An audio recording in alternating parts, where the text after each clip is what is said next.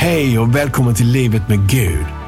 Här tar vi med dig på berättelserna bakom resorna och samtal om livet med Gud. Vi bjuder in gäster och vänner för spännande möten och samtal som berör. Vi hoppas att du ska få med dig något positivt och inspirerande efter att lyssna på vår podd. Men mest av allt så hoppas vi att just du ska få ett eget och personligt möte med Gud. Välkommen! Då är ni varmt välkomna till Tommy och Karins podd. Idag så befinner jag mig faktiskt i en musikstudio i Stockholm. Karin är inte här, men hon har skickat med några frågor och jag har en fantastisk gäst. Det är en varm vän, han är en grym människa och jag tänkte att jag skulle berätta lite grann om honom så, tänk, så kanske ni kan gissa eller förstå vem han är. Den här killen han är extremt folklig samtidigt som han har ett knappt knivskarpt eh, reflekterande intellekt. Han är vanlig samtidigt som han är unikt unik. Han är rätt klent byggd. Men samtidigt så har han då en superstark vilja och han är extremt målmedveten. Han tar tuffa beslut, han sätter gränser när det gäller människor. Eh, samtidigt då så är han världens varmaste och bästa vän. Han är på ett sätt lillebror jag har alltid känt att varit en lillebror. Men nu måste jag erkänna att han är också storebror. Alltså. Han har potentialen att bli världsledare. Han har ingen formell utbildning. Men alltså i kraft av vad han har åstadkommit så utbildar han och föreläser för akademiker. Han hejar tyvärr på Leksand trots att alla vet att Modo är det bästa laget. Det här är alltså en fantastisk fin människa som jag har äran att ha som gäst här idag. Och det är Andreas Nilsen, pastor i Hillsong i Stockholm och en fantastisk människa. Varmt välkommen Andreas! Tack så jättemycket. Alltså, man skulle ju ha dig varje... Man, det där ska jag be att få klippa ut och ha som väckarklocka. Tänk att få vakna till det varje morgon. Ja. Ha, vad fint. Tack ja, ska du ha. Men det är ju inte, det är inte många människor som på något sätt är så breda som du är och har alltså den här motiverande inställningen positiv till människor. Och det här folkliga på något sätt, vanliga, du är så vanlig. Och samtidigt är du knivskarp. Det vet jag, jag har sett dig. Jaha, det är klart det är svårt att utvärdera sig själv men jag tror när man blir äldre så uh, man blir liksom mer bekväm i sitt eget skinn. Och jag är ju från landet, liksom från en liten stad och liksom uppväxt med mer folkparken med Sergels torg. Mm. Och uh, jag tror att uh, oavsett var man är ifrån så tror jag att det finns en genuinitet och man hittar en styrka i att vara komfortabel i sitt eget skinn i vem man är. Det var ju svårare när man var yngre. Jag har haft mina faser också när jag...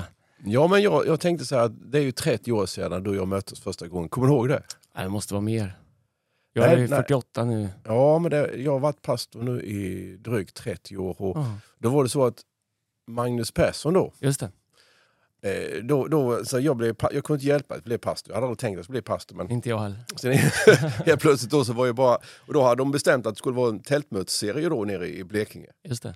Och, och jag, då fick jag ett brev då och då var det ett team från Hörby och det var Magnus då. De skulle komma med ett stort team då.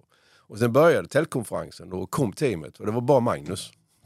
Så sa du kan inte vara här hade själv. Ma hade Magnus sålt in det som ett team? Ja, sålt in det liksom. Sålt in sig ja, själv så han fick komma och predika några gånger före då. Så sa men jag känner en kille, sa han. Jaha, sa han, han är i Uppsala nu här vid och han, han är grym på att sälja då, och så här. Och han heter Andreas. Och då vet jag att det var det första gången som jag fick möta dig då. Ja, jag minns det. Det var ju... Eh, så här, jag vet inte vad det är, men jag, jag har inte jättemycket minnen bakåt. Vi, har, vi pratade med det i en podd, en annan podd här eh, bara för någon vecka sedan. En del minns ju allting i livet. Mm. Eh, jag vet inte, jag minns inte jättemycket. Jag kan prata med mina syskon om barndom och grejer. Och, och de berättar alla möjliga saker. Och, eh, och jag minns inte, jag vet inte om det är något förträngande eller självvåldsdrift eller om jag, jag, är mer intresserad av det som ligger framför. Men vissa saker har man nedslagit. Så det, jag kommer faktiskt ihåg det. Jag var, måste varit sommar så jag skulle fylla 18. Det var ju under en liten halvstökig period i mitt mm. liv. Man mm. hade både strul på alla områden av livet, men också hade man lite, lite kallelse med sig och sådär va. Och hade väl inte rätt ut det där riktigt. Eh, jag minns att eh, Magnus ringde om jag kunde följa med och spela. Så jag var ju även under min om man säger tonårsperiod från liksom 13, 14, 15 upp till 20 där så när det var struligt och avfälligt kallar man det då och sådär va så, så var jag och spelade mycket i kristna sammanhang och, och, och rätt vad det var eftersom man var lite eh, glapp i käften så, där, va, så ville de att man skulle säga någonting också. Och eftersom eh, självförtroendet var större än förmågan på den tiden så, så tänkte man att det kan inte vara svårt. Men eh, jag tror att du är den enda faktiskt i hela min karriär, eh, 48 år nu, som har gått upp och avbrutit mig när jag predikat. Ja, alltså jag, jag vet. Alltså, dels så kommer jag ihåg då att den, den charmen som du hade, den har du rimlig- Jag fortfarande. måste säga rimligt alltså. Jag, jag hade inte ens släppt upp mig så att du, jag fick ju lite tid. Ja, men du ville gärna, du sa kan jag inte få preacha lite grann Tommy? Och, och, och du kom ju upp då och jag kommer ihåg det fortfarande för du sa halleluja sa du. Ja, jag hade inte så mycket att säga. Och sen sa du halleluja. Och sen sa du halleluja, halleluja, amen, ja, ja. Halleluja. Men du, jag minns också att jag vid den tiden, det var lite halvstökigt. va. Jag hade lyckats få tag i en mobiltelefon, det var ganska tidigt där. Och den minns jag du var rätt sugen på. Ja, alltså det var ju så att du hade ju Sveriges dyraste mobiltelefon. Och alla flockades runt omkring telefonen. Ja, jag vet inte var den kom ifrån eller vart den tog vägen sen. Men det var så mitt liv lite då. Det cirkulerade saker där. Men sen, samtidigt är det så att, att å ena sidan så har du utvecklats oerhört mycket som människa, självklart. Eh, Men just den här alltså gnistan eh, och förmågan att, att dra människor till dig, eh, den har du ju fortfarande. Ja, jag... det är ju... det finns ett talesätt som heter så här, om, om du vill gå fort, gå själv. Om du vill gå långt, gå med andra. Och jag tror att ju yngre man är, ju mer tänker man att ensam är snabbast. Ensam är liksom sådär va. Framförallt, jag växte upp med kanske, eller inte bara kanske, jag växte upp med utanförskap. Inte bara kanske liksom socialt sådana saker, men också emotionellt och mentalt. Där du är övertygad om att du har bara dig själv att luta dig mot. Och eh, om du inte har folk runt omkring dig som kan skapa vägar åt dig, eller du vet att eh, ja, men farsan fixar ett jobb, eller det, du vet, så här, då, då, om, om du måste lita på dig själv, då lär du dig också ganska snabbt att jag måste bygga relationer därför att mitt nästa steg är alltid connectad med någon form av person liksom, som kan hjälpa mig på något område. Så, ehm, så det har väl alltid funnits med. Jag är ju säljare i grunden. Eh, men, eh, och det där är lite speciellt för att jag har ju en extremt extrovert sida i det jag gör. Men i grunden så är jag extremt introvert. Ja. Ehm, och och det, det är lite svårt att förklara kanske. Ja, Jag, jag tänkte på det för att eh, alltså, människor möter ju oss. Eh, när jag är i Afrika så är jag Mm. man of God. Just det. Det är du i Sverige också. Ja, I men i alla ögon. fall man, man har eh, på något sätt man har en bild av oss som predikanter. Och, och det fanns en evangelist i, eh, i Skåne då, som inte är med oss längre. Och, och han var oerhört alltså, eh, motiverande, stark. Vet du, jag, spelade, jag En- tror jag vet inte, men jag spelade Ja. med honom också faktiskt under mina struliga år. Ja, jag med också. Han, Han, han sa så här i en predikan, sa han, för att ju, ju mer liksom han fick med sig folket i kyrkan, Mm. desto längre gick han på Mm. sätt. Han var enorm på att kommunicera. Mm. Han sa en gång så att det var en kvinna han pratade om, vet inte vilken var, han sa att hon var vässad i båda ändar, sa han. Jag tror inte folk de uppfattade vad, vad han sa egentligen eh, eh, där och då. På den tiden för 20 år sedan så sa man absolut inte på det sättet. nej, nej. Och, och, men han, han, han han, han var så att när han kom hem sen på Mm. söndagskvällen efter en mötesserie då, då gick han in i sig själv. Han Mm. drog ner rullgardinen och eh, på något sätt så han hade enorm ångest. Mm. Förmodligen så låg han och funderade på vad han hade sagt, vad han kunde göra annorlunda. Mm. Och jag, det är ju så också att, att människor de ser oss på ett sätt. Eller som några ser på våra eh, tv-gudstjänster Mm. och så, så vill de flytta till Sölvesborg. Men alltså det som man ser där och då är ju bara en liten, liten, liten del. Ja, ja, ja. Man ska veta att det som är i det offentliga och för den här mannen också då. um, när du, vilket vi gör, gör då, jag vet både du och jag, eh, liksom tror på den helige ande och, och smörjelse och anointing och så, så är det ju också att när du är i smörjelse så är det ju inte din egen förmåga bara, utan du, du är ju ett flöde. Och det, där och då så är du liksom buren av det. Men även när, när liksom anden över och smörjelsen över dig så gör det ju ett uttag ur kroppen både fysiskt och emotionellt. Och just den här mannen som du pratar om, jag vet att han var ju väldigt, väldigt stark i helande och, och, och i eh, att bli använd av Gud. Och där och då är du ju buren av den kraften och det, det, det genereras. Men när du, om vi använder ordet kliver ur, det är inte så att anden lämnar, men när du kliver ur det, Mm. då är du ju bara, liksom, då har du ju känslorna kvar, du har det fysiska kvar och det har på något sätt, liksom, det som Gud har gjort har liksom åkt igenom dig som, ehm, som någon form av liksom vehicle, eller vad heter det, som ett, eh, du har liksom varit ett redskap för det. Så det gudomliga övernaturliga har passerat igenom det mänskliga. Ja. Och, och jag, jag förstår exakt vad han menar. Jag, eh, det är många söndagskvällar eh, när vi haft bra möten och alla tyckte att det här var kanon. Liksom. Det, det, då är mina söndagskvällar jobbigast. Det Ja. händer att man ligger i fosterställning i soffan om man ska vara helt ärlig. Du- Man vill liksom, man tänker liksom att eh, är det ens värt, vet du, där, allt har varit bra. Men du är liksom så, det har gjort ett sånt uttag emotionellt och ur själen därför att även om anden är stark så använder den ju din själ och din fysik och ditt eh, intellekt och alltihop det här. va. Så det jobbar på högvarv och dessutom alla kemiska påslag som sker under tiden. Så när du ska ut ur det sen, liksom, det är, jag tror att ehm, Så en måndag morgon ser inte ut som en eh, söndag förmiddag. Nej, det gör det inte. Ehm, jag tror med tiden så blir man lite, lite bättre på... ehm, jag tror att när vi började, du var började lite innan mig, men jag tror, då, man pratar inte om sånt här. Utan du, då tänkte jag att lösningen är att du hoppar upp måndag morgon så kör du tre, tre timmar i, i tunga liksom. Och, och liksom motarbetar det som är jobbigt. Men nu har vi lärt oss bättre och, och, och eftersom man tänkt så förut så har vi sett många bra, både män och kvinnor, som tjänar Gud som inte höll. Därför att vi värderar inte att vi har en själ, att vi har känslor. Vi förstod inte det här med eh, adrenalin, dopamin, serotonin, kortisol. Det här som Gud har skapat, de här kemiska... Så, så vi tyckte liksom att är man trött eller är man hängig eller har man liksom, är man lite deppig eller nere, ja då är det otro liksom. Det är något som ska... Men det är det ju inte utan man måste hålla ihop hela livet och, och där Mm. finns det ju massa bra exempel. Men Jesus drog sig undan hela, hela tiden. Och, eh, men vi ser ju också i Bibeln det här med att Um, så som Jeremia, han säger att jag, jag- han lackar, han säger jag kommer aldrig mer prata, jag, ska Mm. inte, liksom, jag säger inte ett ord, jag är klar nu som profet och då är det ditt jobb att prata. Men så säger han, den engelska översättningen säger att it was like fire that shut up in my bones, som att eld sköt upp i benen och jag var tvungen. Och då kliver han in i det igen, så det är som Mm. att det finns något att kliva in och ur i. Mm. När de flesta människorna, om man är offentlig eller man är pastor, de ser dig den delen när du kliver in i det. Ja. Eh, och jag tror att om man går på myten att det är den man måste vara, att det är bara det som ska existera hela tiden, då Mm. blir det här livet skevt. Mm. Å andra sidan så måste du vara samma integritet, karaktär och alltihop så där på Mm. båda ställena. Men jag tror att du måste lära dig managera och förstå. Det har jag varit jättedålig på. Alltså jag har bränt ljuset hårt i båda ändarna. Ja. För det, det är ju liksom den frågan, Karin kunde inte vara med idag, men som hon skickade med då. Hon har jobbat jättemycket då ju med, med bearbetning. Mm. Och hon, hon vet ju att det finns saker och ting Mm. inom oss människor.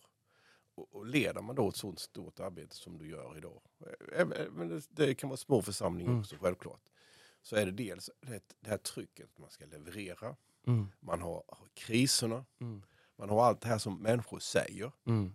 där man som pastor inte kanske kan bemöta det. Nej. Därför bemöter man det så gör man det värre. Mm. Bemöter man det så ljuger de. Mm. Så det, bäst, så det enda sättet är egentligen att man får, som vi säger, då, korsfästa sitt kött. Alltså man får bara vara tyst Ja. och veta att det är fel, men jag kan inte göra någonting åt det. Nej. Och, och samtidigt då, eh, men, men då menar hon att man måste få ut det här, man måste få ut känslorna. Mm. För får man inte ut känslorna så stängs de inne och stängs de inne så kan de göra en sjuk. Mm. Så, så eh, har du någon, nu vet jag att du har en fantastisk fru, men har du någon mer där du kan bara sitta och berätta om alla dina innersta tankar så den här energin kan på något sätt få ett utlopp. Om jag har det, och jag har nog inte alltid gjort det så mycket som... Eh, jag tror säga, jag växte upp i en, eh, en familj där man inte pratar om känslor överhuvudtaget. Vi var inte speciellt kramiga, det var liksom, känslor var...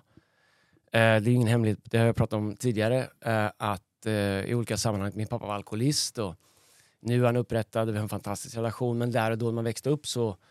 um, min bild av vad en man var och var liksom, eh, den var så annorlunda än vad, vad den är nu. Uh, dessutom när du inte har något skydd riktigt runt omkring, du känner att du är skyddslös, då måste du liksom slå en mur runt omkring dig. Och lever du också med, vi kommer ju båda från små brukssamhällen. Mm. Gör du någonting fel någon gång, det, det får du med dig resten av livet. Det klistrar de ju på dig. Så marginalen för att visa svaghet eller liksom prata, du vet, så här, den är så Mm. liten. Va? Mm. Så jag växte upp på det sättet så att det fanns ju inte alls... Jag hade inga sånt med mig, men man hanterade det. Va? Eh, men det är klart att en period har varit väldigt tufft. Jag var tvungen att göra det. Jag hade en ganska tuff uppväxt. Eh, jag, sen kom jag till USA. Började tjäna Gud där. Hade en fantastisk tid. Jag hade liksom fem, fem år där som var helt otroliga. Det är svårt att prata om vad det betydde för mig. Ju, ju äldre jag blir, ju mer förstår jag vad de åren betydde för mig. Mm. Sen kom jag hem. Jag är ungdomspastor i en, i en kyrka som tyvärr går omkull.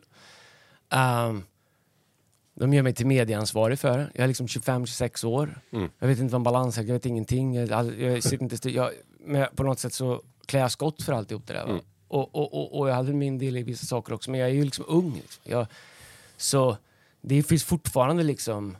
ehm, det är över 20 år sedan. Det finns fortfarande Instagramkonton, Facebookgrupper som existerar bara för att dri, liksom driva det och, och, och, ehm, och, och personligen mig också liksom i det. Och, Mm. och, och under tiden, det är klart man startar kyrka, man gör grejer. Jag är inte så dum så att jag googlar mitt namn därför att jag inser att det är inte, eh, det är inte en majoritet av människor som känner mig som skriver det. Utan det Mm.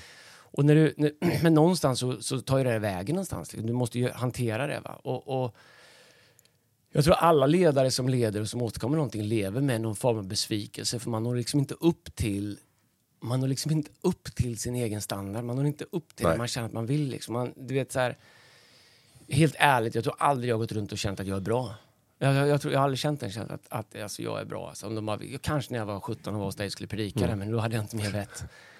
Um, så diskrepansen mellan liksom att folk går runt och tror, för att man är i sin tjänst och i sin roll när man är på scen, när man är frimodig. Jag vet Ja. vem jag är, Gud. Ja. Du kan släppa mig var som helst och be en predika. Det, det, är vi- det, det är min kallelse. Det är inte liksom... Det är inte min självbild. Det är, jag, det är min gåva.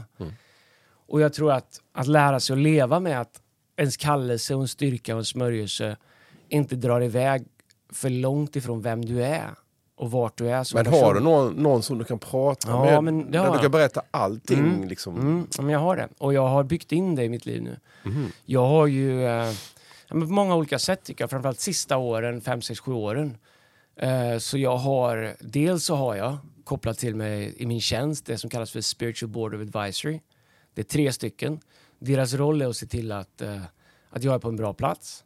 Eh, se till att jag, eh, ja men dels teologi och alltihop sådär, men också liksom, det, jag kan vara 100% ärlig. Och det är en pastor från USA som jag känt i många, många, många år som vet vad det här är, hur det är. Det är en i Sverige. Jag kan säga Pelle Hörnmark är en av dem.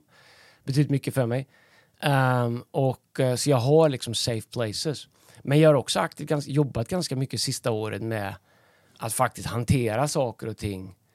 Ehm, från det förflutna, inte så mycket för att de är jobbiga, men när saker och ting händer så skapar de beteende och du börjar reagera på ett visst sätt därför att du var tvungen att lära dig det när någonting hände. Om du inte hanterar det så kommer du fortsätta att reagera och hantera på nya saker som händer utifrån någonting som du var tvungen att lära dig Men Det är ju det, så här, det så här känslominnena som Mm. finns från din barndom. Ja, ja. Och det finns ju ingen tid. Nej. Så att upplever du samma sak idag fast i en helt annan situation så kan du reagera Mm. som när du var Ja, fem ja. år. Och, om och du det inte tror tagit jag hand om alltid det. man gör. Jag tror inte man kommer ifrån det. Nej. Nej men så här, det blir inte lättare ju äldre man är att ta kritik. Det blir inte lättare ju äldre, ju, alltså ju längre man gör det här, ju mer liksom ger du av dig själv in i det här. Mm. Alltså så djupt och så så att det finns liksom, så när det blir kritiserad, när du blir kritiserad, jag är inte för, jag, det är inte så att säga att man ska få kritisera, men, men när du blir det och det blir personangrepp och det blir liksom hur man ser ut och vad man Ja. säger och hur man Ja. är. Du vet, det spelar ingen roll vad någon säger, det går så djupt in.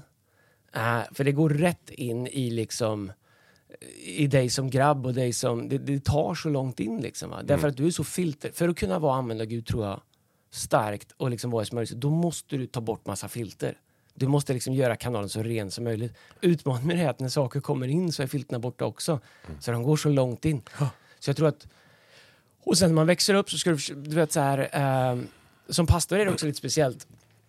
Därför att om du jobbar som en investerare, du en hedgefond eller whatever, då är ju kapital, eller Mm. för kapital är ju di- din valuta liksom, din bottom line. Som pastor så är ju förtroende din valuta. Så jag tror inte, Jag tror det är svårt att förstå att... eh, och dessutom, här, om du är politiker så är också förtroende din valuta. Men som politiker kan du säga, det är många politiker, nej men nu är jag klar med det, nu tar jag ett vanligt jobb. Om du är kallad, jag har ingen B-plan, jag kan ta ett vanligt jobb. Därför att det är som Paulus säger, det är inte så som att jag har fångat Kristus, utan Kristus har fångat mig. Jag Ja. sitter fast i det här, för jag, och det är bra, it's bittersweet. Jag kan inte göra något annat, aldrig. Det finns inte. Men så, när du känner liksom att eh, du ska leda och den valuta du har, det kapital du har, det, det är förtroende. Så eftersom du vet om det här inte funkar, om du inte får till det här, så du kan inte göra något annat, för du måste få det här att funka, så pressen blir så stor. Ja. Och dessutom så är det så att du ska i realtid i varje predikan, i varje kollekt, i varje teamsamling, i varje visionssatsning, i varje liksom, nu har vi något som heter House. Du ska liksom borga, entusiasmera, kasta med ditt eget förtroende hela tiden. Ja. Och, och, och när du då känner liksom att du går all in och sen så är saker ibland orättvisa. Du måste ha hjälp att hantera, annars går du sönder. För, för jag Ja. tror att den kravbilden på en pastor, den är alltså den är omänsklig. Du måste ha ett sätt att hantera den gudomligt, bibli, liksom med Guds ord, men också med människor för att det, den är egentligen inte hanterbar. ja, man är väldigt utsatt. Ja. Är. Ja. Samtidigt är det fantastiskt. Ja, man, man, det är ju det så här två, Mm. man är både där, där man ibland tycker man räcker inte till. Spelar ingen roll hur mycket man gör, för man tycker ändå man vill göra mer. Mm. Och man ser kanske inte sig alltid med en rättvis bild. Och tycker att alla andra är bättre. Ja, så är det ju. Och det spelar ingen roll hur mycket tillväxt man har, så går man ändå och somnar med sig själv. Jo, Och sen samtidigt är det då kritiken som kommer, Mm. som man inte alltid kan bemöta. Mm. Just därför att då gör man det värre. Ja, alltså, och, och du, du det, nästan, det går nästan aldrig bemöta kritik därför att du skulle behöva utlämna andra människor. Det kan du Ja. inte för du har tystnadsplikt. Mm. Du håller dig själv till en högre väg. Ja, Eh, och, och, och, och så va. Och du måste alltid tänka på det gemensamma bästa av församlingen för ditt eget bästa. ja. Eh, och, och, och sådär va. Så att, eh, men jag tror att eh, jag tror att eh, när vi började växa som kyrka så, där, så, så, så det vanligaste jag fick höra var inte så här bra jobbat, vad, Mm. vad duktig jag är", utan Mm. det vanligaste jag fick höra se till att du inte blir högmodig nu. Var inte för stolt, var inte Ja. för stöddig. Och jag bara tänker, jag tänkte alltid så här, och, och, och, och det är ju en bra påminnelse, jag tänkte så här, alltså du har ingen aning. Det är ju, alltså, Det är ju- säga, se till att du inte... Det är ju inte det som driver oss. Nej, men det, är ju så här, ju mer tillväxt vi har haft, Mm. Jag skulle nog säga ju mindre problem just högmod eller självgodhet jag haft, Mm. ju mer förtvi- alltså, ju sämre har mitt självförtroende varit. För jag inser att det här är inte, jag, det här, jag är otillräcklig för det här. Så jag tror att de flesta som lever med tillväxt eller någon form av liksom utveckling eller framgång, missmod är en mycket större utmaning än högmod tycker jag. För mig i alla fall. Ja, men det är ju ganska, frågar man inte det är ganska typiskt Sverige också. Mm. Att eh, när någon gör någonting bra så ska man liksom scrutinize, man ska verkligen Mm. granskas. Mm. Därför att man ifrågasätter Mm. motiven. Mm. Men det som är viktigt i alltihop det där vi säger då, det är att dessa här känslorna då, det är, det är många ledare och sånt som lyssnar också på vår podcast och så här, eller människor i övrigt då, alltså Mm. dessa här känslorna, alltså det, det är inte det att man ska prata illa om andra människor eller om församlingsmedlemmar eller människor som man rör sig med, Mm. utan man måste ha någon kanal som har sekretess Mm. där man bara får släppa ut känslorna så de inte stängs inne. Ja. För, för, för det är så att instängda känslor som inte får komma ut, då, de vänder inåt och Mm. Ja. kan göra oss sjuka. ja. Men en annan sak som jag tänkte... Får jag bara säga en grej med det, skicka med eftersom du sa att det är ledare som lyssnar. Jag tror också som ledare och pastor eller vad man är, jag tror att det är jätteviktigt att du har ett team runt omkring dig Mm. Som tycker om dig och förstår dig och committar till dig, både som tjänstegåva och som människa. Ja. För ibland kan du ha team runt omkring dig som är committat till dig som ledare utifrån vad du kan göra för dem eller om de hänger på dig så, kom, så kommer de någonstans. Mm. Men jag tror att du måste bygga, och där måste man våga släppa, du måste ha team runt omkring dig som är committat till dig som tycker om dig, både som ledare och som människa. Ja. Och jag tror att du måste ha vänner. Det, det var jag, har jag varit alldeles för dålig på under så många år. Därför att jag bara tänkte, jag har inte tid med det, jag har inte tid med det, jag har inte tid med det. För jag måste liksom känna, jag måste göra det här. Allt är så viktigt och, och det är så. Och jag tror att man måste vara lite så om någon skulle gjort. Men jag har upptäckt de sista kanske 7, 8, 9 åren Ehm, jag uh, jagar en Men, men, men, men Andreas, du, du, du är ju... Alltså, det var så att när jag gick igenom det största traumat i mitt liv då för Mm. åtta år sedan. Då var det du och så var det en annan. Du åkte alltså ner till Sölvesborg. Den stora svarta folkvagnen ni hade då tror jag. Mm. Och hade en Winchester i baksätet. Jag skulle, ja, inte- jag skulle till dig. Ja, men, nej, men du satt ju en, en, hel, en hel dag då. Ja. Och det, det är någonting som riktiga vänner gör. Mm.